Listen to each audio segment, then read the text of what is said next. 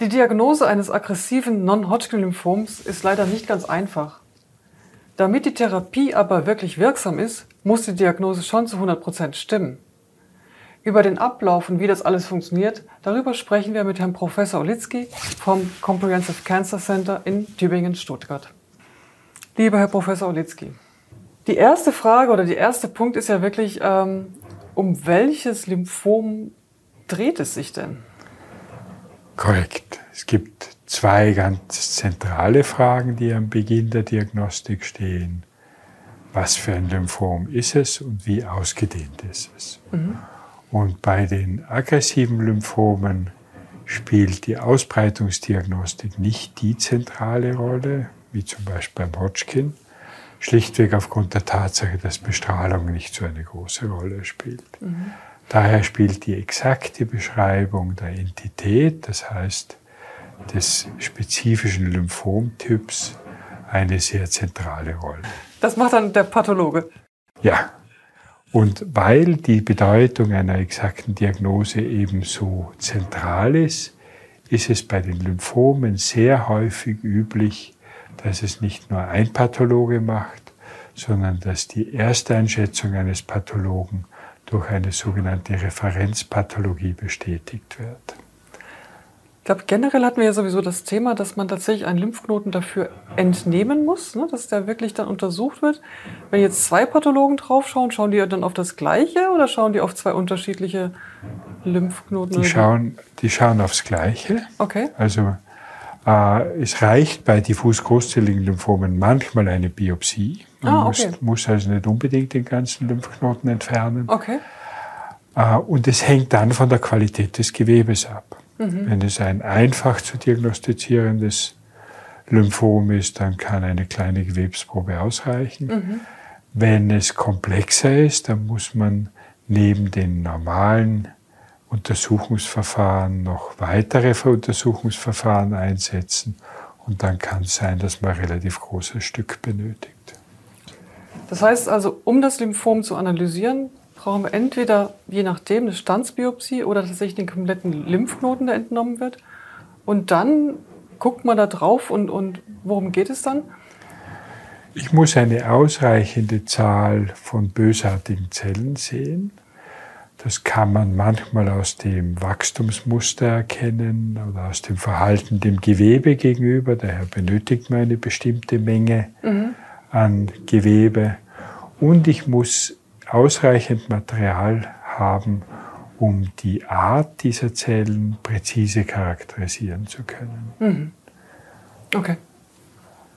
Und ähm, generell schaut man ja auch nochmal wirklich den allgemeinen Gesundheitszustand an. Da wird ja oftmals dann auch von B-Symptomatik gesprochen.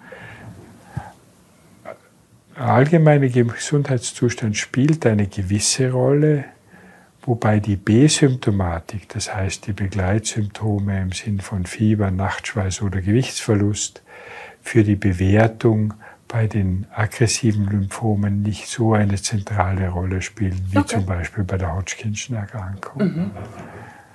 Zusätzlich muss man natürlich immer die Belastbarkeit des Individuums einschätzen, das vor einem sitzt. Wir hatten ja schon gesagt, es sind bevorzugt ältere Menschen, die diese ja. Erkrankungen bekommen. Und hier muss ich natürlich sicherstellen, dass nicht irgendein Organ die geplante Therapie nicht aushält und ich damit den Patienten mehr gefährde, als ihm die Beseitigung der bösartigen Erkrankung nützt. Mhm. Muss man auch eine Knochenmarkspunktion machen in, in, bei solchen Lymphomen oder ist das eher ungewöhnlich? Es ist nicht ungewöhnlich, weil die Biopsie nach wie vor in vielen Leitlinien drinnen steht. Mhm. Es hat meistens keine wesentliche Bedeutung für die Therapieentscheidung. Mhm. Insofern ist es etwas, was man schon unter bestimmten Bedingungen auch benötigt, vor allem dann, wenn man über eine Stammzelltransplantation nachdenkt, weil man natürlich wissen möchte, ob ich hier im Knochenmark oder im Blut noch einen erheblichen Teil an bösartigen Zellen erwarten muss. Aber bei vielen Patienten ist es nicht dringlich. Und ich glaube, im Zusammenhang mit der Ausbreitung der Krankheit, ob eben auch das zentrale Nervensystem betroffen ist, macht man eventuell dann auch mal eine äh, sogenannte Liquorpunktion. Ist das häufig oder ist das eher selten, dass das gemacht wird? Das Gehirn ist ein Raum im Körper, den viele Medikamente nicht äh, eindringen. Und deswegen würden Lymphommanifestationen im Gehirn durch die gängigen Therapieformen, die wir einsetzen, nicht mitbehandelt werden. Mhm. Und daher muss man bei den Formen von Lymphomen, wo das Risiko realistisch erscheint, dass das Gehirn separat befallen ist, mit einer Liquorpunktion versuchen auszuschließen, ob dort Tumorzellen zu finden sind oder nicht. Was, was wären das für Formen von? Das sind zum Beispiel das Burkitt-Lymphom, ist ah, okay. ein derartiges Lymphom. Und dann sind es im Wesentlichen die sehr aggressiven, hohen Stadien der diffus großzelligen Lymphome, mhm. wo das Risiko doch in den Bereich von 10% kommt. Generell ist ja auch viel Bildgebung, glaube ich, dabei gegeben, viel MRT, CT und so weiter und so fort? Ich benötige eine präzise Vorstellung, wo sitzt denn Lymphom? Mhm. Erstens, um potenzielle Schäden der Lymphknotenvergrößerungen zu sehen, aber zweitens auch, um am Ende Therapie nachsehen zu können, wo ist jetzt kein Lymphom mehr, mhm. um die komplette Rückbildung festzulegen. Und daher ist eine Bildgebung immer essentiell. Mhm. Man führt die bevorzugt mit CT durch. Mhm. Ein Ganzkörperkernspin würde auch möglich sein. Ah, okay. PET-CDs führt man gelegentlich durch, wobei meistens für die Fragestellungen bei den diffus großzelligen Lymphomen das nicht unbedingt essentiell notwendig ist. Mhm. Mhm. Und dann kommt man ja wirklich dann nochmal wirklich auf die Analyse der Zellen, die, äh, dass man die Zellen immer mehr anschaut. Also ich sag mal, da ist man quasi, dass man von außen erstmal die Zelle anschaut und dann wirklich immer tiefer und immer tiefer und immer genauer anschaut und die Oberfläche der Zelle, dann die Chromosomen, dann die Gene und so weiter und so fort, um halt immer genauer zu analysieren, was denn für eine Veränderung denn da ist. Also ich glaube, das ist immer auch wichtig dazu zu sagen, dass es keine wissenschaftliche Spielerei ist, sondern dass man wirklich damit Informationen bekommt, die äh, sehr essentiell sind für die Therapie auch, ne? Die Lymphome stammen meistens von bestimmten Entwicklungsstadien von Lymphzellen ab, mhm. die sich verändert haben. Und die Charakterisierung dieses Phänotyps, wie wir es nennen, ist einerseits festzulegen, welchem Stadium sie ähnlich schauen. Daraus kann man auf bestimmte Verhaltensweisen schließen und zum Zweiten die genetischen Veränderungen zu finden, die für die Therapieentscheidung wichtig sind. Mhm. Dazu wird man immer im ersten Schritt einfach ein mikroskopisches Bild sich machen. Mhm. Im zweiten Schritt analysiert man, welche Oberflächenproteine sitzen auf diesen Tumorzellen drauf.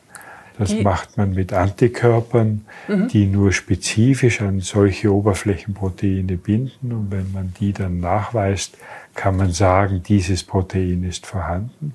Also diese Proteine, die, die nutzen ja die Zellen quasi zur Kommunikation mit der Außenwelt, ne?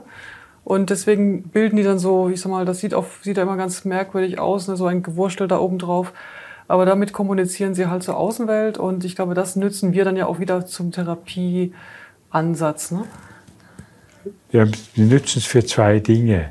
Erstens machen Zellen in ihren verschiedenen Entwicklungsstadien unterschiedliche Proteine mhm. auf ihrer Oberfläche, weil sie eben verschiedene Wechselwirkungen benötigen. Mhm. Und zweitens besitzen wir Medikamente, die an diese Proteine binden. Das sind therapeutische Antikörper. Und diese Medikamente sind heute praktisch bei jeder Behandlung eines B-Zell-Lymphoms Teil der Vorgehensweise. Mhm. Und daher ist die Charakterisierung, ob solche Zielstrukturen vorhanden sind, von ganz direkter therapeutischer Relevanz. Mhm. Mhm. Und dann gehen wir noch tiefer rein in die Zelle. Ja. Die nächste Ebene ist natürlich das Genom. Und hier kennen wir auch Veränderungen, die Therapiestrukturen äh, sein können.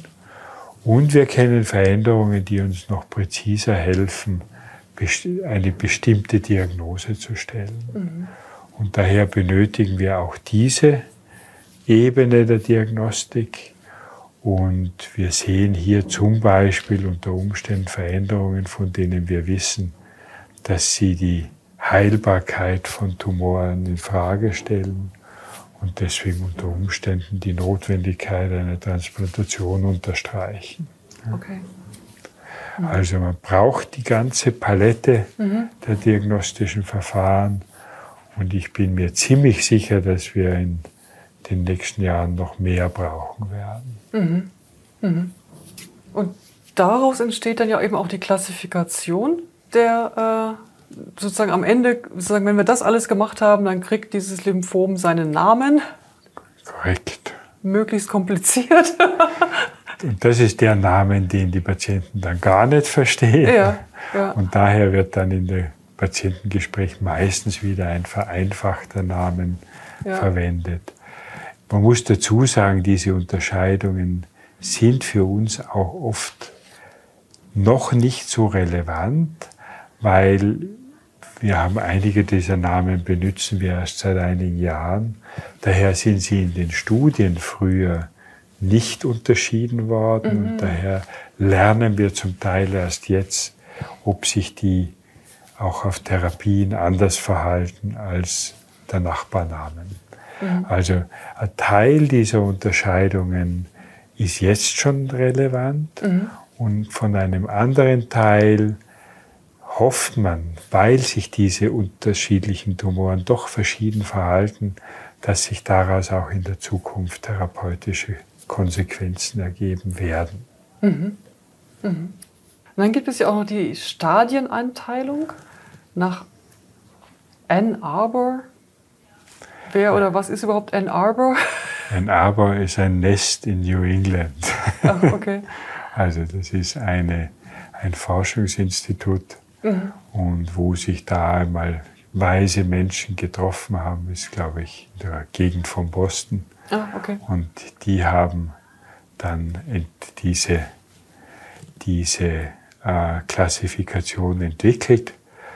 Man muss dazu sagen, bei den diffus großzelligen Lymphomen spielt die Stadieneinteilung eine moderate Rolle. Mhm.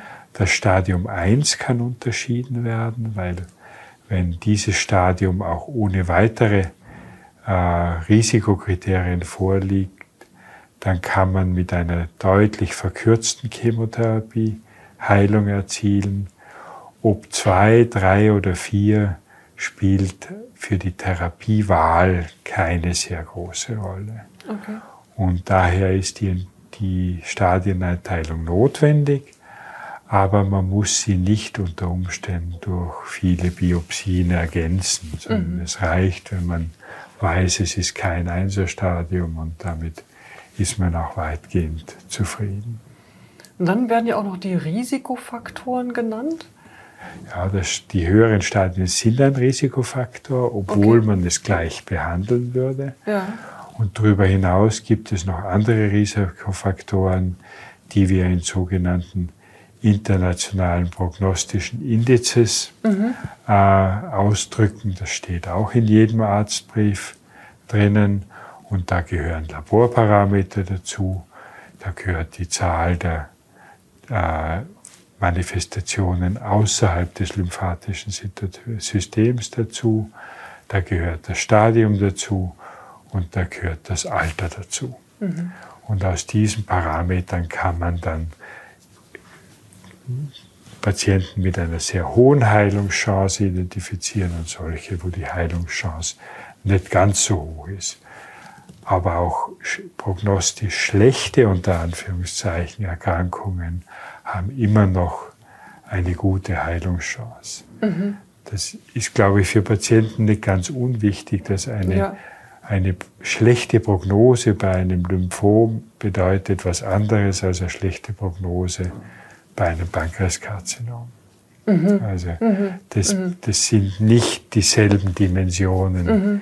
in denen hier Prognosegruppen unterschieden werden. Mhm. Ah, ich glaube, das war nochmal wichtig, das zu sagen. Ja. Mhm. ja, vielen herzlichen Dank. Ich glaube, damit haben wir wirklich die Diagnose insgesamt abgeschlossen. Natürlich kommen wir jetzt noch als nächstes zu dem Thema Therapie. Also bleiben Sie dran. Ach ja, bitte geben Sie uns Feedback zu dieser Episode unten in den Kommentaren. Wir möchten unsere Angebote immer besser machen. Wenn Sie also konkrete Fragen haben und Sie bestimmte Themen besonders interessieren, lassen Sie es uns unter dem Video oder per Mail wissen. Und übrigens, abonnieren Sie unseren Kanal, dann verpassen Sie keine weitere Folge.